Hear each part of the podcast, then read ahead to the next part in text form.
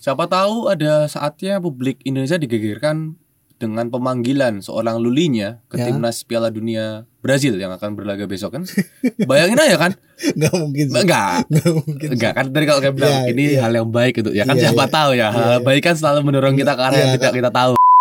Sintayong mampu meramu itu jadi salah satu cara untuk Mm-mm. menciptakan peluang gitu loh. Dan ini rekor yang cukup bagus ya sejak Oktober 2021 timnas Indonesia di bawah Sintayong baru kalah tiga kali gokil. Pengawalnya Messi di Piala Dunia jadi nggak boleh ada yang nyentuh Bukan terlalu pengawalnya sih, Patih. Patihnya Messi. Bayangkara. Ya.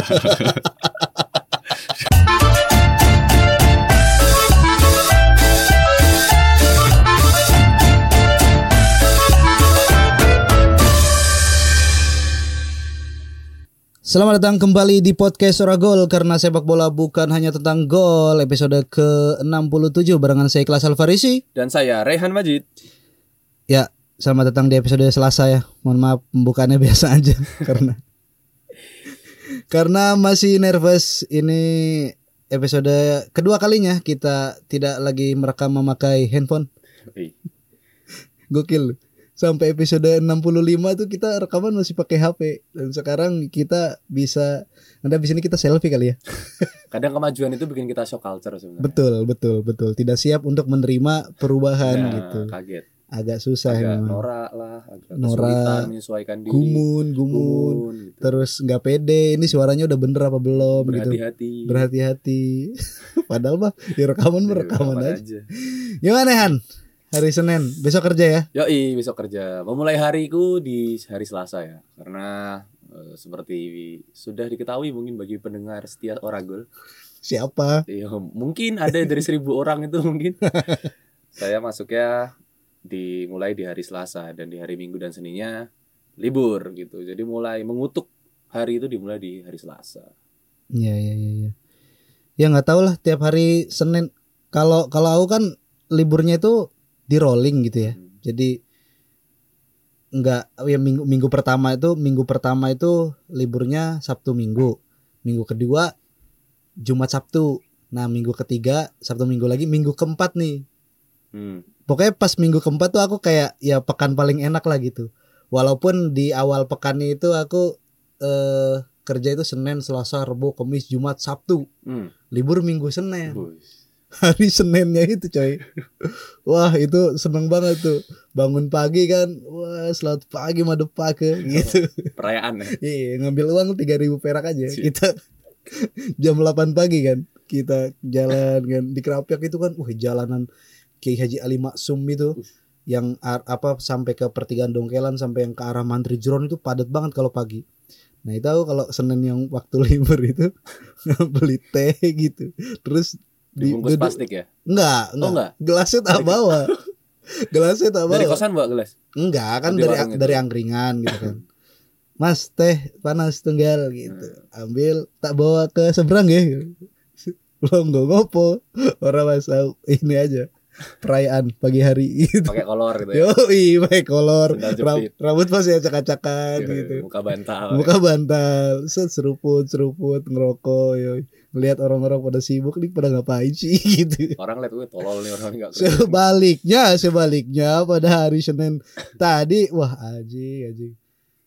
Sulit lah gitu menghadapi hari Senin tuh anjing gue ternyata sekarang udah kerja dan apalagi kerjanya di media yang sangat dinamis ya dalam tiga bulan ini aku udah tiga kali pindah desk gitu pindah rubrik dan di ya mulai minggu ini tuh udah masuk ke bola gitu gara-gara medianya sedang menghadapi ombak yang akan besar nih ombak Piala Dunia padahal wah nggak tahu lah aku tuh bola tuh pengennya tuh buat senang-senang aja gitu awalnya kan dan dengan oragol inilah alatnya gitu buat refleksi buat eh ya buat ngata-ngatain apa pun yang aku mau lah Hmm. nah kan kalau udah pindah ke rubrik bola kan nulis harus objektif Hmm. harus nyari angle harus Ada nyari validitasnya. Heeh, harus nyari sumber bla bla bla wah ya agak sulit. Akhirnya udah bukan lagi jadi ini relate ya akhirnya gimana Han? Bola.net masih buka lowongan anjing. Waduh, ya kalau aku sih emang kalau kalau di kantor ngerasanya memasuki satu tahun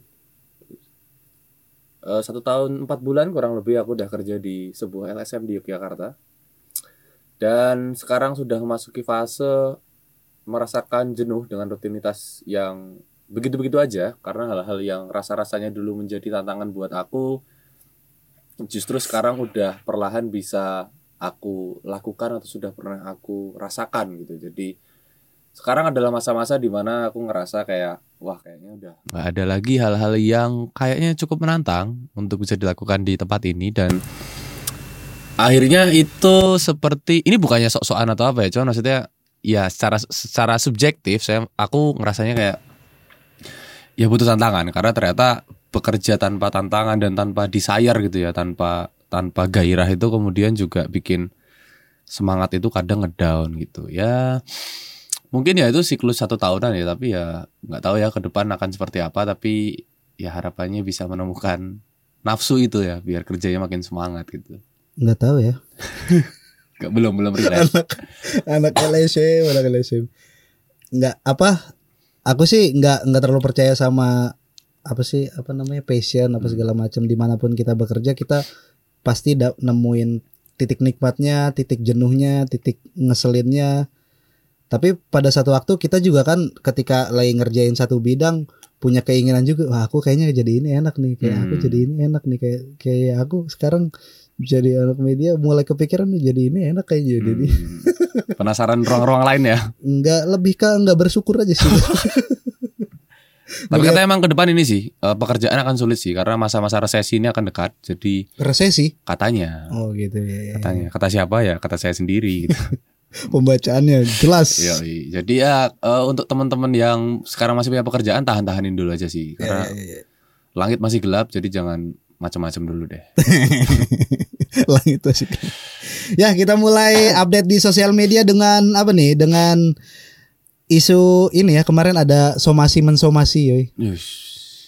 jadi ada, Oh ini ya teh ya? iya konsumen ST Oh, iya, ngomong ini sebenarnya berapa sih gitu kadar gulanya gitu Hmm, katanya 3 kilo dia bilang gitu. itu lebay sih itu tapi. ya. tapi aku ya nggak tahu lah tapi banyak orang yang cepet banget gitu ya numpangin wis ST tiba-tiba ada konten ST ada ini Hmm. sampai historia loh bikin ST mana? sejarah ST se maksudku ombaknya setinggi itu kah gitu apa karena dalam satu waktu itu banyak banget orang-orang yang apa naikin gitu aku nggak tahu lah Sampai Twitter official teh itu kesuspend ya? oh iya Iya, aku nggak Hmm, tahu ya oke. yang di tag-tag sama netizen itu officialnya atau enggak, tapi pas tak Hmm. buka benar-benar kesuspend, aku nggak tahu kenapa. Hmm, sampai ada yang banding-bandingin sama IndiHome ya Waduh. Ih, IndiHome caci maki biasa aja nggak somasi somasi gitu. Ya beda lah swasta sama BUMN mah Yoi. ya gitu. Tapi aku nggak tahu lah ini isunya ini kita makan ST Burjo kan ya. ST itu ya ST rasa teh gitu bukan yang red velvet Macam-macam gitu. ya. Iya, matcha gitu. Pusing lah. sih juga bayanginnya. Iya iya iya. Tapi pernah, weh, Riz beli-beli es teh gitu. Es teh maksudnya es teh Indonesia itu. Nggak pernah. Oh belum pernah. belum pernah. Sama sih. Ya pern ada di sekarang titiknya ada di kemampuan itu beli gitu doang baru tiga puluh ribu ya gitu Iya. gitu loh bisa tapi enggak lah bikin kopi radio buku ya gratis ada dananya. Iya. ngopi aja pakai dana komunitas loh guys. Waduh. nah eh di sosial media juga ada kasus perselingkuhan gokil. Ini kue ngawalin naskah ya pakai kasus perselingkuhan Reja Arab. Ya ada keresahan tersendiri po dengan tingkah laku orang yang selingkuh. Nggak ada sih, cuman maksudnya eh aku nggak terlalu ngikutin Reza Arab ya, cuman maksudnya aku rasa Arab dan Wendy Walters istrinya kan udah nikah ya mereka ya. iya Itu kelihatannya harmonis-harmonis dan lucu-lucu aja hubungannya. iya iya Dan banyak yang bilang sebetulnya ini nggak belum tentu perselingkuhan gitu. Ada yang bilang gimmick, katanya mereka mau buat eh, lagu bareng atau gimana. Mm-mm. Tapi kalaupun nanti itu terbukti bener sebuah perselingkuhan, Wendy Walters kurang apa sih coy? Menurutku ya, menurutku ya harusnya Reza Arab. Iya. Ya kan Reja Arab gamers ganteng idaman fak Oh, iya, pencitraan gitu. Tapi intinya ya itulah. Dan belum lagi kan soal yang Adam Levine juga kan. Maksudnya Ya ya ya. ya mempertanyakan aja sih eh, konsepsi kesetiaan gitu loh. Mm. Ya kan akhirnya kok sekarang kok makin lazim gitu Atau perselingkuhan. atau kita ini aja lah gitu mewajarkan orang tuh untuk punya apa lebih dari satu pasangan gitu. Waduh, liberal sekali Anda. ya mau cowok mau cewek ya gitu biar nggak ada lagi konsep selingkuh gitu selingkuh kan gara-gara orang tuh takut gitu di dipinggirkan gitu dinegasikan. Padahal dia punya hasrat untuk punya lebih dari du- satu pasangan gitu. Mm. makanya dia selingkuh gitu kan. Kalau itu apa namanya konsep selingkuh itu hilang gitu kita menormalkan. If ya nggak ada ya nggak bakal ada tuh. Oh kamu selingkuh boleh gitu. Tapi mungkin jawabannya eh, untuk menghindari perselingkuhan mungkin sekarang orang sudah beralih ke banyak cara ya. Mm-mm. Mungkin nggak dengan menormalkan punya eh, dua pasangan atau lebih, tapi lebih ke misalnya kita udah udah sangat akrab mungkin ya dengan konsep FWB misalnya Mm-mm. yang nggak terikat. CRG itu poliamor poliamor tuh gimana tuh Ya itu maksudnya kan eh, mungkin jawabannya bukan menormalisasi itu, tapi justru eh, mengurangi intensi yang serius-serius banget gitu loh. Ya udah kita temenan aja, kita eh, going on aja gitu. Tapi nanti dalam perjalanannya nggak ada keterikatan. Jadi sewaktu-waktu kalau mau nyari yang lain kah atau gimana?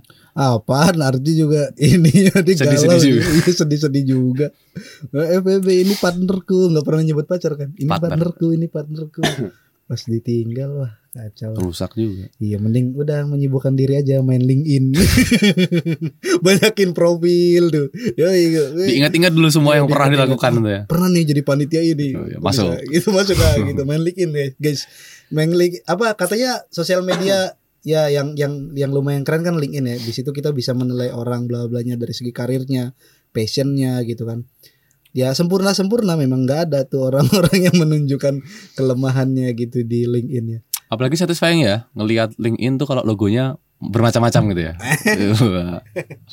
gokil ya kan? logo kampus Iya, Logo kamu, korporat. Iya. logo project ya. magang di mana-mana magang gitu di kan. mana-mana. Terus keren kita nih orang meng- mengklaim magang di radio buku tidak ada logonya.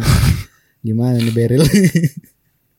Kasihan lo teman-teman volunteer B8 lo. pada mempertanyakan Oh, yang punya motif yang punya motif batu loncatan gitu nggak bisa. Langsung terpotong gitu ya, nggak bisa lo. Nyesel ya iya, nggak bisa. Udah capek-capek ngarsip ya. Aduh. Terus juga ada beberapa eh waktu lalu yang viral ya. Ada ketua DPRD Depok. wakil Ini ketua kita ngapain sih ngomongin Depok? wakil ketua Enggak, ya, urgensinya apa nih?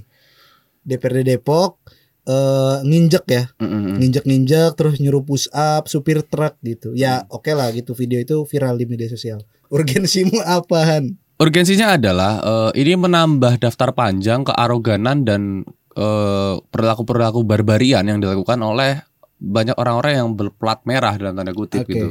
Itu yang yang sebetulnya jadi urgensi buat aku untuk untuk angkat itu di podcast ini. Misalnya kemarin wakil ketua DPRD Depok ya yang injek-injek eh, nyuruh push up, suruh guling-guling seorang supir truk. Ya sekalipun dia salah ya, kayaknya ya kalau nggak salah dia nabrak portal atau apa gitu, dia merusak fasilitas umum dan kemudian dihukum sama si wakil ketua DPRD Hmm, ini. Public shaming ya. Iya, tapi maksudnya kalaupun iya dia berbuat salah ya eh, saya pikir negara ini udah punya cukup regulasi untuk mengatasi hal-hal seperti ini gitu loh. nggak perlu dengan ya mungkin itu bisa dikatakan main hakim sendiri kan akhirnya.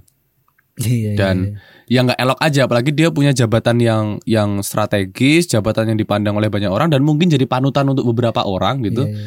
Yang nggak nggak nggak pantas aja gitu perilaku seperti itu kemudian dilakukan oleh seorang wakil ketua DPRD Kau gitu. pernah nggak di jalan gitu terus tiba-tiba ada yang ugal-ugalan atau atau misalnya sampai nyerempet motormu gitu terus merasa dirimu marah dan pengen mengadili dia di tempat gitu pernah Oh, pernah dong, sering, sering, sering. Iya. Apalagi jam-jam pulang kerja gitu. Sering, ya itu gara gara-gara egonya kena terus dia oh, kayaknya aku bertingkah laku kayak gini boleh deh gitu Nah. merasa merasa boleh Iya, gitu iya. padahal kan nggak juga gitu Nah, itu itu problemnya adalah eh, apa ya? Eh, maksudku setiap orang pasti punya ego ya, ah. punya amarah, emosi yang meluap-luap dan mungkin nggak bisa di eh, prediksi kapan dia keluar Mm-mm. cakra QB-nya itu kan. Cuman maksudnya eh, aku juga percaya eh, menjadi seseorang dengan pangkat atau jabatan tertentu tuh ada konsekuensi logisnya gitu loh. Ada konsekuensi moral yang mengikuti gitu. Iya, Ya iya, bisa iya. bilang, bisa bilang kayak ya kan kita juga manusia, jabatan buat cuman pekerjaan, tapi di luar itu kita punya real life, kita punya punya kehidupan yang ingin dijalani seperti mau kita sendiri. Ya iya, cuman kamu juga harus ingat kamu hidup dari eh, menghidupi real life-mu itu dari pekerjaan dan jabatanmu gitu. Jangan kemudian ya saya enak sendiri ya jadi contoh kan dia jadi ulil amri itu kan ya itu loh maksudnya berat kan ya kayak kasus ya kayak Ulil Amri. ya kayak kasus eh, perdana menteri New Zealand kalau nggak salah yang perempuan itu Ya, ya, ya. katanya sempat eh, tersebar foto dia bugil atau telanjang Finlandia, dada. Finlandia. eh Finlandia atau New Zealand ya Finlandia. oh Finlandia Heeh. ya itulah dia Dia lagi party. Yes, itu. Ah. Ah, meskipun dia di salah satu ininya bilang, ya saya juga manusia, saya juga butuh bersenang-senang. Iya, tapi itu nggak pantas gitu loh. Itu nggak pantas dilakukan oleh seorang kepala negara gitu. Itu aja sih. Problemnya adalah problem moralitas gitu. Dan itu kan yang membuat peradaban mungkin ya, moral aspek moralitas mungkin, mungkin, mungkin, mungkin.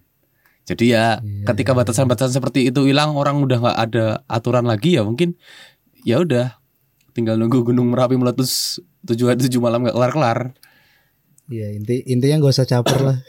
ya gitu gitulah kan persoalannya itu gitu. Kita semua punya kecenderungan, kita semua punya sikap, ego kita mungkin Hmm. setinggi langit. Tapi nggak usah dijajakan secara bebas Ya, ya, gitu. ya. yang menahan diri itu kan juga kesenian kan Yoi. Iya, iya, iya. Dan bodoh amat juga kesenian sebenarnya. iya iya Ini refleksi banget ya malam ini ya. Yoi. Karena kita rekaman juga malam hari di pengunjung Senin seperti biasa. Kita langsung masuk aja nih ke update sepak bola dan sebetulnya ini lagi jeda gitu, lagi jeda internasional dan eh aku sih ngerasa gitu. eh, jeda internasional kali ini tuh nggak kayak international break sebelumnya karena ya Indonesia ada di sana. Ush. Timnas ada di sana ikut FIFA Match Day. nggak tahu ya kita nih kayak love and hate relationship dengan FIFA gitu. Satu sisi kita anjing lah FIFA gitu politis apa segala macam. Tapi ketika ada eh, timnas gitu, wah ini pertandingan resmi FIFA gitu seneng ya. ada pride nya ya iya iya Oh, Indonesia. ada Indonesia coy Eh, Indonesia berhasil menang melawan Curacao. Eh Curaçao. kurasau baca Curaçao. Peringkat 18 84 FIFA dikalahkan dengan skor 3-2 dan dengan cara yang lumayan mantap ya. Comeback Comeback. 3 3-2 gimana? Ya mungkin aku pertama meng-highlight dari ini ya sih Eh, secara pertandingan mungkin aku lihat di ruang taktik di Twitter tuh aku ngelihat ada pola-pola yang eh, apa ya pressing-pressing yang secara taktikal mungkin bekerja dan itu mungkin terlihat dari beberapa gol salah satunya golnya Mark Locke gitu dari hasil pressing di Iya iya iya. ruangnya Cu Curacao apa? Ya, Curaçao. Curacao oke Curaçao. Tapi lebih dari itu mungkin lebih banyak yang jago ya Haris ya bahas itu ya tapi kalau aku justru mengagumi aku menikmati juga kemunculan seorang Dimas Derajat yang pelan-pelan kayak bakal jadi Iya, tulang iya. punggung Iya iya. nomor 10 eh nomor, Nomor 10, nomor 9 Nomor 9. timnas Indonesia gitu. Iya, Sosok iya, iya. sesosok yang udah lama sekali nggak dirasakan oleh timnas ya, Iya, nggak iya, dipunyai ya. Mungkin Ah. terakhir zamannya BP atau Budi Sudarsono atau siapa pun Iya, itu. Heeh. Dan sekarang kita punya lagi di sosok Dimas Derajat. Iya iya. Dan kelebihan lainnya adalah dia juga punya mobilitas yang bagus, nggak Hmm. cuman eh, menunggu di garis pertahanan lawan, tapi juga mampu ikut build mau up, mau naik eh, mau turun turun ke mau bawah. turun, terlibat Ah. dalam build up. dengan formasi 4-3-3 eh 3-4-3 aku tuh ngelihat di Google tuh awalnya masangnya 4-3-3 kayaknya nih nggak tahu ya ruang ganti apa ruang ganti atau proses pendaftaran pemain timnas tuh ke official pertandingan tuh gimana ya Mhm. yang nanti itu di share ke Google 4-3-3 awalnya tuh jadi Awalnya 4-3-3. iya aku ngeliat ih kok Yakub Sayuri ini jadi back gitu terus eh enggak enggak iya iya iya iya iya iya. Yakob Sayuri. Ah Yakub Sayuri gitu. Terus eh, di depannya itu tiga Trisula tapi Egi sama Witan tuh nggak jadi winger gitu di Terus? tengah gitu. Kayak Dimas Derajat kayak gini tuh loh. Kayak gini. Kayak gini iya. Heeh. Nah, kayak gitu. Di belakang striker kan. Nah, di belakang striker dua orang itu. Wah, ternyata pas ngelihat di lapangannya 34 343 gitu. Hmm. Terus ngelihat Rahmat Irianto pas di Google tuh adanya di tengah tuh. Ternyata kata Pak Rendra Sujono, Rahmat Irianto dipasang menjadi seorang libero. Memang sangat versatile pemain ini. Di Persib dipasang di kanan, sekarang Iya. ke tengah. Wah, gokil sekali sih Rahmat Irianto. biasa.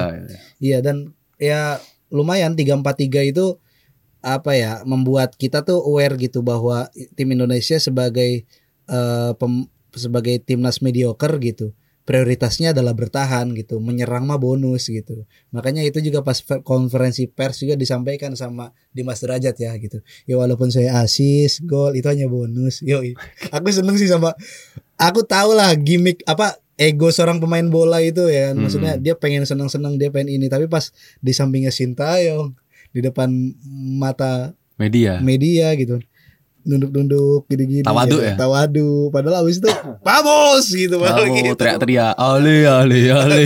gitu gitu ya menarik lah itu ada Dimas Derajat penampilan kalau menurutmu yang paling impresif siapa di timnas itu Yang paling impresif kalau menurut ya, kalau aku ya, Hmm. aku terlanjur admiring sih di Mas Derajatnya. iya iya iya iya. Apalagi semua itu ibaratnya roti ya. Mm-mm. Ini udah roti yang enak banget di Dimas Derajat. Iya, Dan iya, di iya. atas dikasih stroberi. Stroberinya adalah gol yang Suarez SQ-nya itu loh.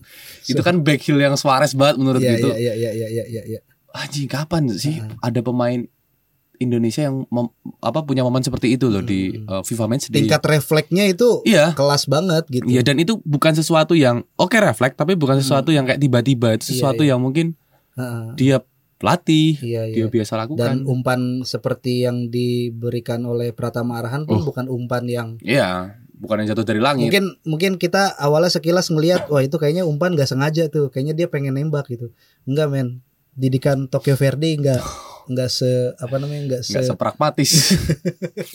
enggak seasumtif itu gitu melepaskan umpan.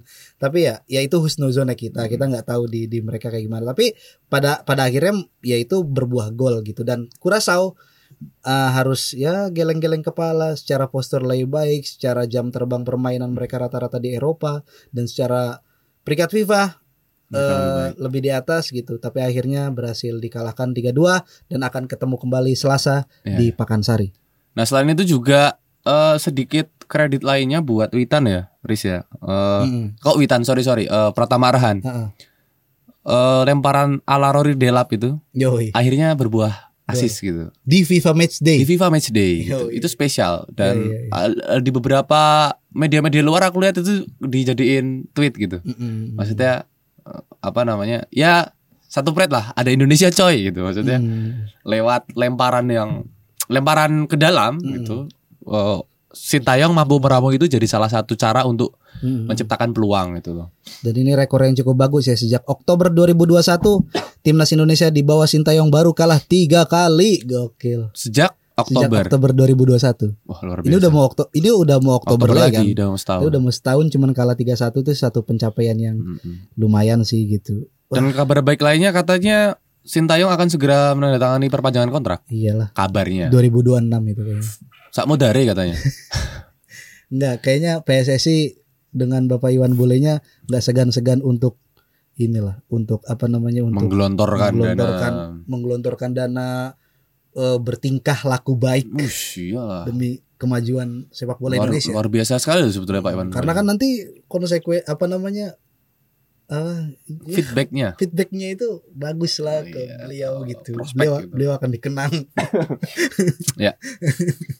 Iya, nggak usah nggak usah inilah, nggak usah ini banner, bikin banner gitu. Tim kreatifnya mungkin kalau misalnya ini kasih usulan yang lebih kreatif Ya, gitu, jangan cuma sekedar banner gitu. Apa kayak gitu? Enggak, enggak pakai banner pun Bapak Iwan Bolema akan tetap selalu di hati kita Iya. gitu. Terpatri gitu. Terpatri gitu. Ketua federasi mana yang paling terkenal di jagat raya ini? Cuman Apaan sih? Iwan Naw Ya, itu. Nawi Elup. Iya itulah dan dapat 7,41 poin. Ya. Eh, dan apabila me- menang lagi nih di apa lawan Surasau di di Stadion Pakansari ini poinnya bahkan jadi 14 gitu. Iya. Mm-mm. Gitu gimana? Dan itu bakal berpeluang untuk meningkatkan posisi FIFA Indo eh, posisi Indonesia di peringkat FIFA. Mm-mm. Nah, salah satu hal yang menarik juga dalam pertandingan kemarin adalah ada satu isu dan ada satu obrolan yang tiba-tiba menyeruak di sosial media yaitu soal peringkat FIFA. Oke. Banyak sekali media-media bola, fanpage-fanpage dan akun-akun bola-bolaan Bola-bolaannya. ya itu tiba-tiba menjadi corong-corong yang mengedukasi netizen Iya, untuk iya, iya. lebih melek terhadap peringkat FIFA gitu. Kecuali Indonesia Til Aida ya. Kecuali dari Dia hati. tetap konsisten dengan Starboy. Starboy-nya. Gokil. pos apa slide terakhirnya Sintayong waktu masih muda Masih itu. muda, ya. Keren. Starboy. Menarik lah. Wah, eh. Nah, gimana tuh lanjutan? Nah, itu eh, banyak publik yang kemudian eh, pada ngeliatin mungkin sebetulnya peringkat FIFA Indonesia tuh di nomor berapa gitu. Terus kemudian peluang naik turunnya, kemudian eh, benefitnya ketika punya peringkat yang bagus itu apa dan mulai menyadari oh Kurakau tuh lebih bagus ya peringkatnya dan segala macam. Tapi sebetulnya juga eh, apa ya? eh, ini bukan hal yang baru di sepak bola ya Mm-mm, mm. ngomongin soal peringkat FIFA itu udah jadi hal yang eh, lama di sepak bola dunia gitu dan ada yang menarik sebetulnya soal cara penghitungan peringkat FIFA ini. Jadi eh, sejak 2006 eh, FIFA itu menggunakan pendekatan berbasis peringkat rata-rata gitu. Jadi peringkat itu ditentukan dari total poin tim nasional yang dihitung dari himpunan poin rata-rata yang diperoleh per pertandingan yang dilakoni sebuah negara dalam kurun waktu 12 bulan gitu. Ya, Oke. Nah jadi eh, apa namanya perhitungan itu nggak kayak sekarang ya. Jadi itu dihitung dalam interval waktu tertentu Hmm. gitu dan biasanya akan diupdate sebulan sekali. Iya, iya. gitu. Itu liga sepanjang masa ya. Hingga sepanjang masa ya liga itu. sepanjang masa ya. Yoi. Ya itu selama sepak bola dan FIFA masih ada itu ya bakal jadi peringkat terus-terusan gitu. Iya ya. Menarik. Nah kemudian seiring berjalannya waktu ternyata metode ini justru menuai banyak kritikan dari berbagai negara gitu karena dalam 12 bulan itu akan banyak sekali eh, kejadian perubahan dan ketika masih mempertahankan metode lama yang dipakai dari 2006 ini akan berkemungkinan merugikan sebuah negara gitu. Jadi dia akan punya peluang besar justru kehilangan poin gitu. Ah. Jadi banyak negara menurut eh, beberapa sumber justru menolak untuk melakukan FIFA Matchday di eh, tanggal-tanggal pertandingan FIFA gitu karena Jangan-jangan itu yang jadi alasan kenapa ada UEFA Nation League. Nah, itu juga. Jadi metode yang digunakan sekarang itu adalah metode ELO. Nah, ELO ini bukan penyanyi dan bukan sapaan elo gue, tapi ya emang ini nama metodenya dan itu nggak ada kepanjangannya, cuman ELO gitu. Nah, metode ELO ini punya cara baru untuk menghitung sebuah eh, poin yang diakumulasi nantinya untuk peringkat FIFA. Jadi eh, poin itu dihitung per pertandingan. Selain itu juga Elo juga menekankan pada hitungan logis soal kekuatan dua tim yang bertanding. Ya, ya, ya. ya. Hematnya, tim yang lebih kuat pasti diunggulkan. Maka apabila kalah, poin mereka berpeluang merosot. Sedangkan untuk tim David yang berhasil mengalahkan Goliat atau tim kecil yang melawan tim besar, mereka berpeluang meningkatkan poinnya dengan pesat gitu. Betul, Jadi ada betul. hitungan Iya. logisnya nih Hitungan logisnya bener. eh, Jerman lawan Timor Leste gitu ya. Kalau Indonesia berhasil ngalahin 2-0 timnas Prancis kayaknya langsung peringkat 50 ya. Eh, mungkin Dapat poinnya banyak. ya, atau 15-0 gitu lawan Jerman langsung peringkat satu mungkin. Jerman U18 tadi. ya itulah. Dan selain itu juga eh, metode baru ini lebih menekankan pada bobot pertandingan yang akan dilakoni. Nah ini yang mungkin akhirnya tadi relate kenapa ada Nation League gitu ya. Hmm. Jadi metode baru ini lebih menekankan pada bobot pertandingan yang akan dilakoni. Misalnya fase gugur dari kompetisi seperti Piala Konfederasi dan Piala Dunia akan memiliki poin yang lebih besar ketimbang laga di fase grup atau laga uji coba yang dimainkan di luar kalender FIFA gitu. Iya, iya. Beda poinnya Indonesia ngalahin Kurasau di FIFA Men's Day sama ngalahin Kurasau di semifinal Piala Dunia gitu. Itu banyakan pas Piala Dunia ya. Ya, kalau Iya, Indonesia iya. ngalahin Kurasau di eh, semifinal Piala Dunia Iya, misalnya iya, itu iya. poinnya lebih banyak daripada dia menang kemarin itu. Piala Dunia ini, Piala Dunia Eh, homeless. homeless Ada kan? Ada itu. Dunia jalanan. Iya.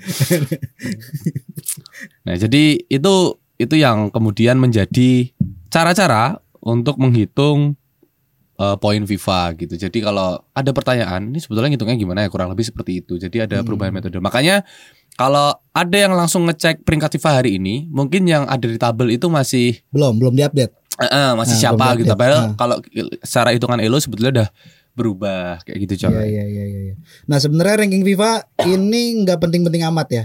Mm. Ada ya penting apa enggak sih gitu. Tapi tapi gini, maksudnya ada pentingnya ada nggak pentingnya gitu. Hmm. Nah, peringkat FIFA bakal kepake buat memetakan perkembangan tiap negara dan pemerataan dalam pemilihan pot kualifikasi Piala Konfederasi atau Piala Dunia yang nanti bakal diselenggarakan kayak misalkan pas kualifikasinya gitu kan, Mhm. kualifikasi Piala Asia, kualifikasi Piala Dunia. Nah, eh, kerugian ketika satu negara itu ada di peringkat ke bawah itu kemungkinan ketemu unggulan nomor satunya itu Ya.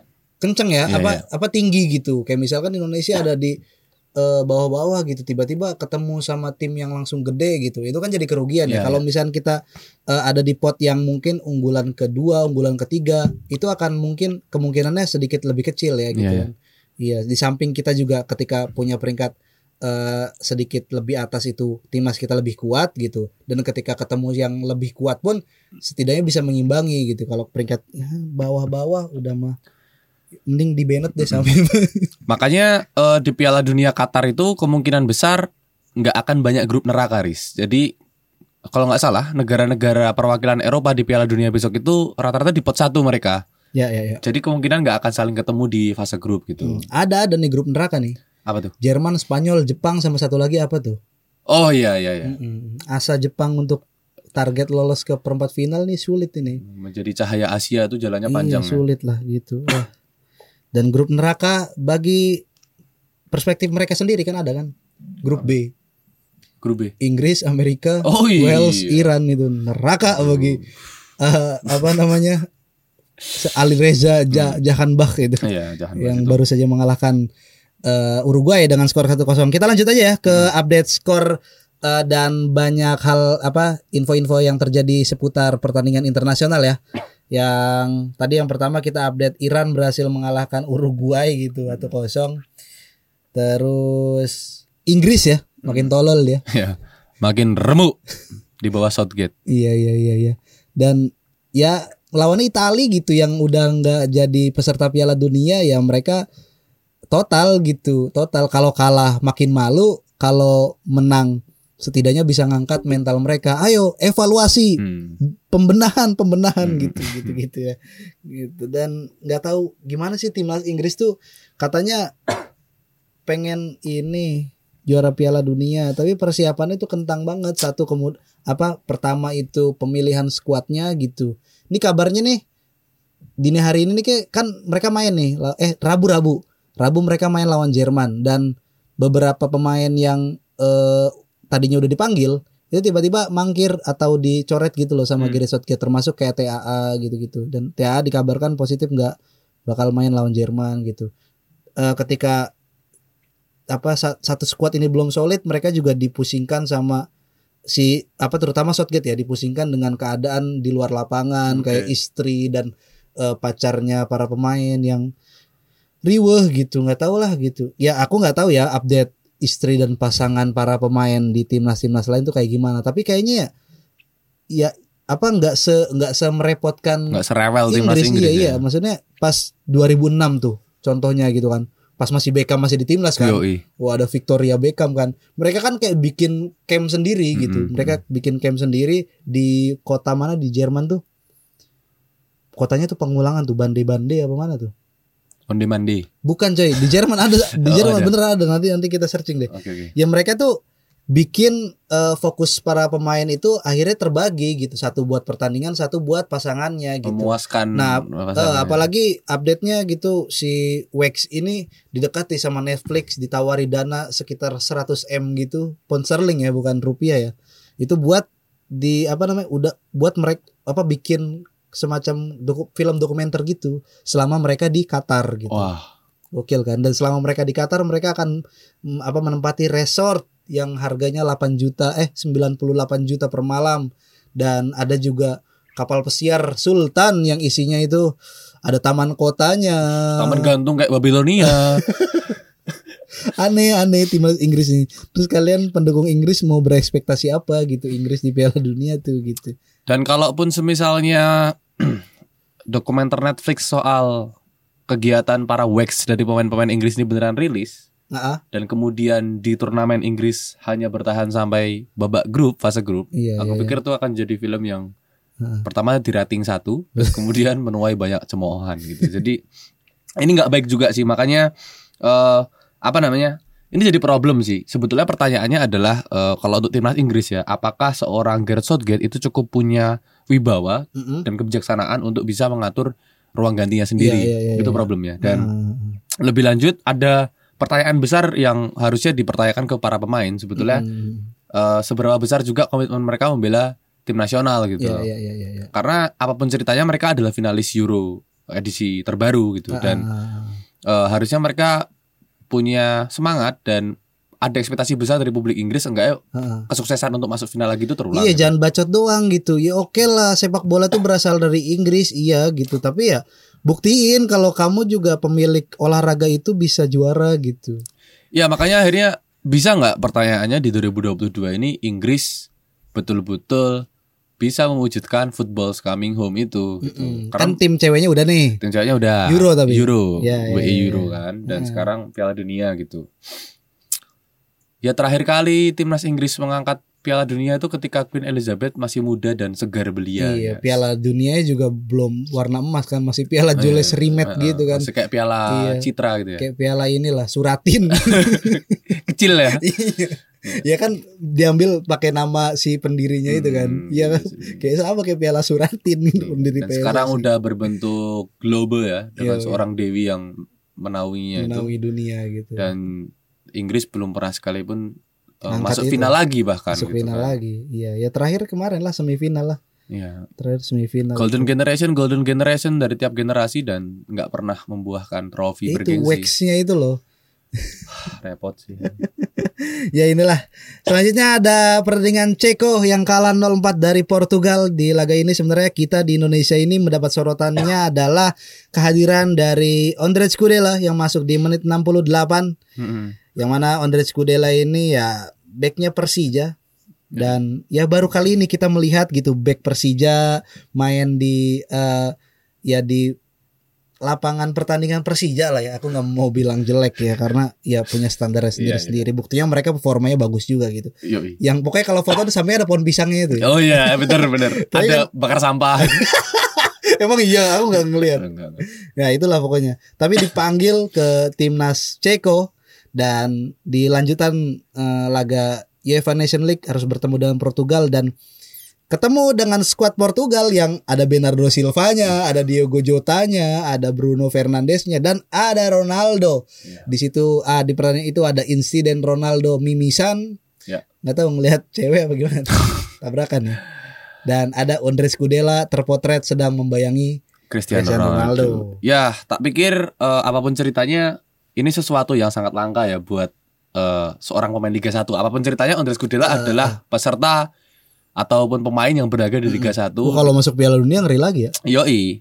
Untuk pertama kalinya mungkin ya Hmm. ada pemain yang berkarir di Liga 1 di bawah naungan Nawi Elup Heeh. bisa bermain di panggung teratas gitu ya di Gokil, sepak gokil. bola gitu dan Heeh, heeh. Hmm, ini sebetulnya jadi pertanyaan eh, berapa banyak sih kalau kita bilang kan rata-rata pemain asing yang main di Liga Indonesia tuh pemain-pemain buangan, pemain-pemain Hmm, antah berantah iya, gitu. iya, Tapi iya. pertanyaannya adalah ada nggak sih pemain asing yang mentas di Liga Utama Indonesia. Liga divisi teratas Indonesia itu yang dipanggil negaranya. Nah, selain ada Ondrej Kudela yang kemarin sibuk ngaver Ronaldo ya, Iya. ada juga nama-nama lain yang sebetulnya main di Liga 1 tapi jadi langganan timnasnya. Sebut saja ada Rohichan. Ya. Rohichan ini adalah eh, seorang pemain yang eh, cukup reguler Mm-mm. membela timnas Nepal. Tapi kemarin pas dibantai 7-0 sama timnas nggak main dia. Nggak main. Hmm, Udah tahu mau dibantai soalnya, udah tahu perkembangannya nih, udah nggak bisa ya. Atau di lobby jangan main lah gitu. Kalau ada Iya. kamu, kamu jadi jangkar gitu. Oh, iya, susah itu. Jadi dia salah satu orang yang salah satu pemain yang cukup penting untuk timnas Nepal. Mm-mm. Terus kemudian juga ada Zahran Krangar Ya, ya, yang besar namanya di Indonesia berkat performanya Hmm. di Sriwijaya FC dan Persipura Jayapura. betul. pada masanya merupakan pemain yang kerap kali dipanggil oleh timnas Liberia. Ya, ya, ya, ya, ya. Kemudian se- seorang pemain Persija lagi, Ah, ah, yaitu Abdullah Yusuf Helal ah, ah. yang sudah bergabung dengan timnas Bahrain Ya, kemarin. ya, ya, ya. Dan ada juga pemain Dewa United, Majid Osman yang dipanggil juga ke Gokil ya. Lebanon. Pemain asing yang bermain di klub promosi yes. dipanggil timnas loh. Mm-mm. Padahal pemain Indonesia yang lainnya nggak dipanggil timnas.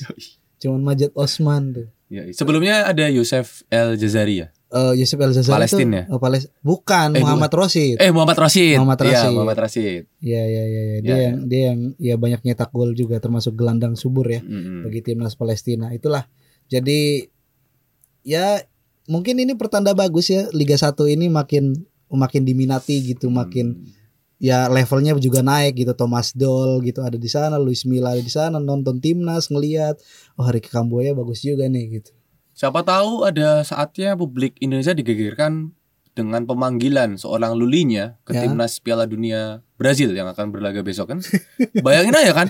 Nggak mungkin. Enggak. Nggak mungkin. Enggak kan tadi kalau kayak bilang Iya, ini iya. hal yang baik gitu. Ya kan Iya, siapa iya. tahu ya. Hal Iya, baik kan selalu mendorong kita ke arah yang Iya, tidak kita tahu kan. Nah, kalau menilik komposisi timnas Brazil sekarang nggak mungkin nggak. ada Anthony, Iya, ada Vini, Ngapain Lulinya? Rodrigo. Ada Richarlison gitu. Lulinya coming from behind. Hello bitch. Itu kalau terjadi tuh kalau semuanya tuh cedera gitu tiba-tiba bodoh cedera Sadio Brazil. lagi joget-joget oh gubrak gitu wah cedera semua kan Hmm. akhirnya yang dipanggil lah pemain-pemain David da Silva Siapa yang tersisa di luar Brazil negeri gitu. gitu. siapa luar negeri yang masih Ini main reguler namanya. fisiknya masih bagus gitu siapa nih gitu Ada siapa? Lulinya. Lulinya Jaja Jaja Siapa? Jaja ada kan Jaja Oh ya ada ada. Jaja Jaja bagus tuh Jaja Ya, Ceko versus Portugal ya walaupun berhasil apa berhasil menang ya Portugal dan Ceko berhasil apa tidak berhasil membendung serangan-serangan. Di depan publik sendiri padahal ya. Iya, iya. Terus ada Kroasia versus Denmark. Ya ini juga pertandingan yang menarik. Dua mercusuar sepak bola Eropa ya. Ya, ya, ya. ya. Kroasia dan Denmark.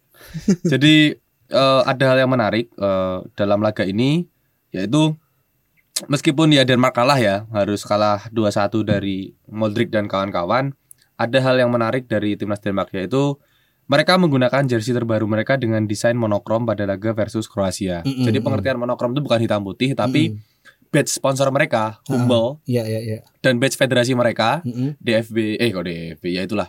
Itu tuh di di Dibikin transparan Ah, gitu ya. jadi Dibikin kayak war- kelihatan. misalnya yang dipakai warna hitam. Ah, ah. Jadi dua logo tersebut juga dibuat hitam. Iya, iya, iya, iya. Jadi, nggak hanya kelihatan. timbul, hanya timbul Ah, tapi hanya tidak timbul. kelihatan eh, Hmm. motifnya dan Iya, segala iya, macam. iya. Yang timbul hanya nomor di dada ya. Ah, ah, ah. Nomor oh entah di dada atau di mana itu yang No- timbul nomor di dada dan yang timbul tuh sikap. sikap. Sikap dan keberpihakan. Betul sekali. Itu adalah dua hal yang timbul oleh timnas Denmark pada hari melawan Kroasia. Kenapa sih mereka pakai jersey seperti ini padahal itu eh, momentum besar buat promosi ya selain Mm-mm. Humble ya Iya, iya. federasi mereka sendiri Ah, mereka nggak peduli sama industri, nggak peduli fuck kapitalisme peduli katanya legasi. Hmm. Iya, It's about humanity katanya. Jadi itu merupakan bentuk kritik Federasi Sepak Bola Denmark terhadap persiapan Piala Dunia 2022 yang dikatakan penuh dengan pelanggaran HAM. Pada pentas Piala Dunia nanti, Denmark menjadi satu-satunya negara Nordik selain Finlandia, Islandia, Norwegia, Swedia, dan Kepulauan Faro yang berhasil lolos ke Qatar. Oleh sebab itu, melalui Presiden Federasi Sepak Bola Denmark, sikap ini merupakan sikap yang juga mewakili sikap dari negara-negara Nordik. Mereka ini ya kayak perwakilan aliansi Nordik gitu ya. Mm-mm. Jadi dari aliansi mana nih? Dari aliansi Nordik. Hmm. Kita punya sikap gitu. Mereka berangkat ke Qatar tuh naik kapal loh. Hum. Naik kapal Viking ya. Iya, bu. ada pelatihnya di depan eh Simon Kjaer di depan nebu nabu drum itu. Dum. Naik perahu naga. tiup trompet ya. Berangkat. Tapi ini mungkin jadi satu hal ya. Selama ini kita mengenal bangsa-bangsa Nordik yang katanya dikaitkan erat dengan peradaban masyarakat Viking itu katanya barbar dan segala macam. Tapi ternyata eh kalau kita telik lebih jauh lewat sikap-sikap mereka terkhusus di sepak bola ternyata Iya, iya, mereka nggak se barbar yang diceritakan di Ah, film atau atau mungkin iya, karena iya. sudah perubahan peradaban ya pendidikan mereka juga Iya, mungkin luar biasa Hmm. baik sehingga mampu Iya, menciptakan sumber daya manusia yang terampil, Iya. adaptif, solutif dan Udah saatnya lah orang-orang utara ini punya sikap jangan netral mulu gitu. Perang dunia satu netral gitu, perang dunia kedua netral. Netral-netral dijadiin apa sih? Dijadiin medan perang kan ya sulit juga gitu. Ya bersikap lah gitu. Halan kalau perlu main ke Denmark. Naturalisasi boleh kan keluarga negaraan ganda boleh kan proses nih dari sekarang.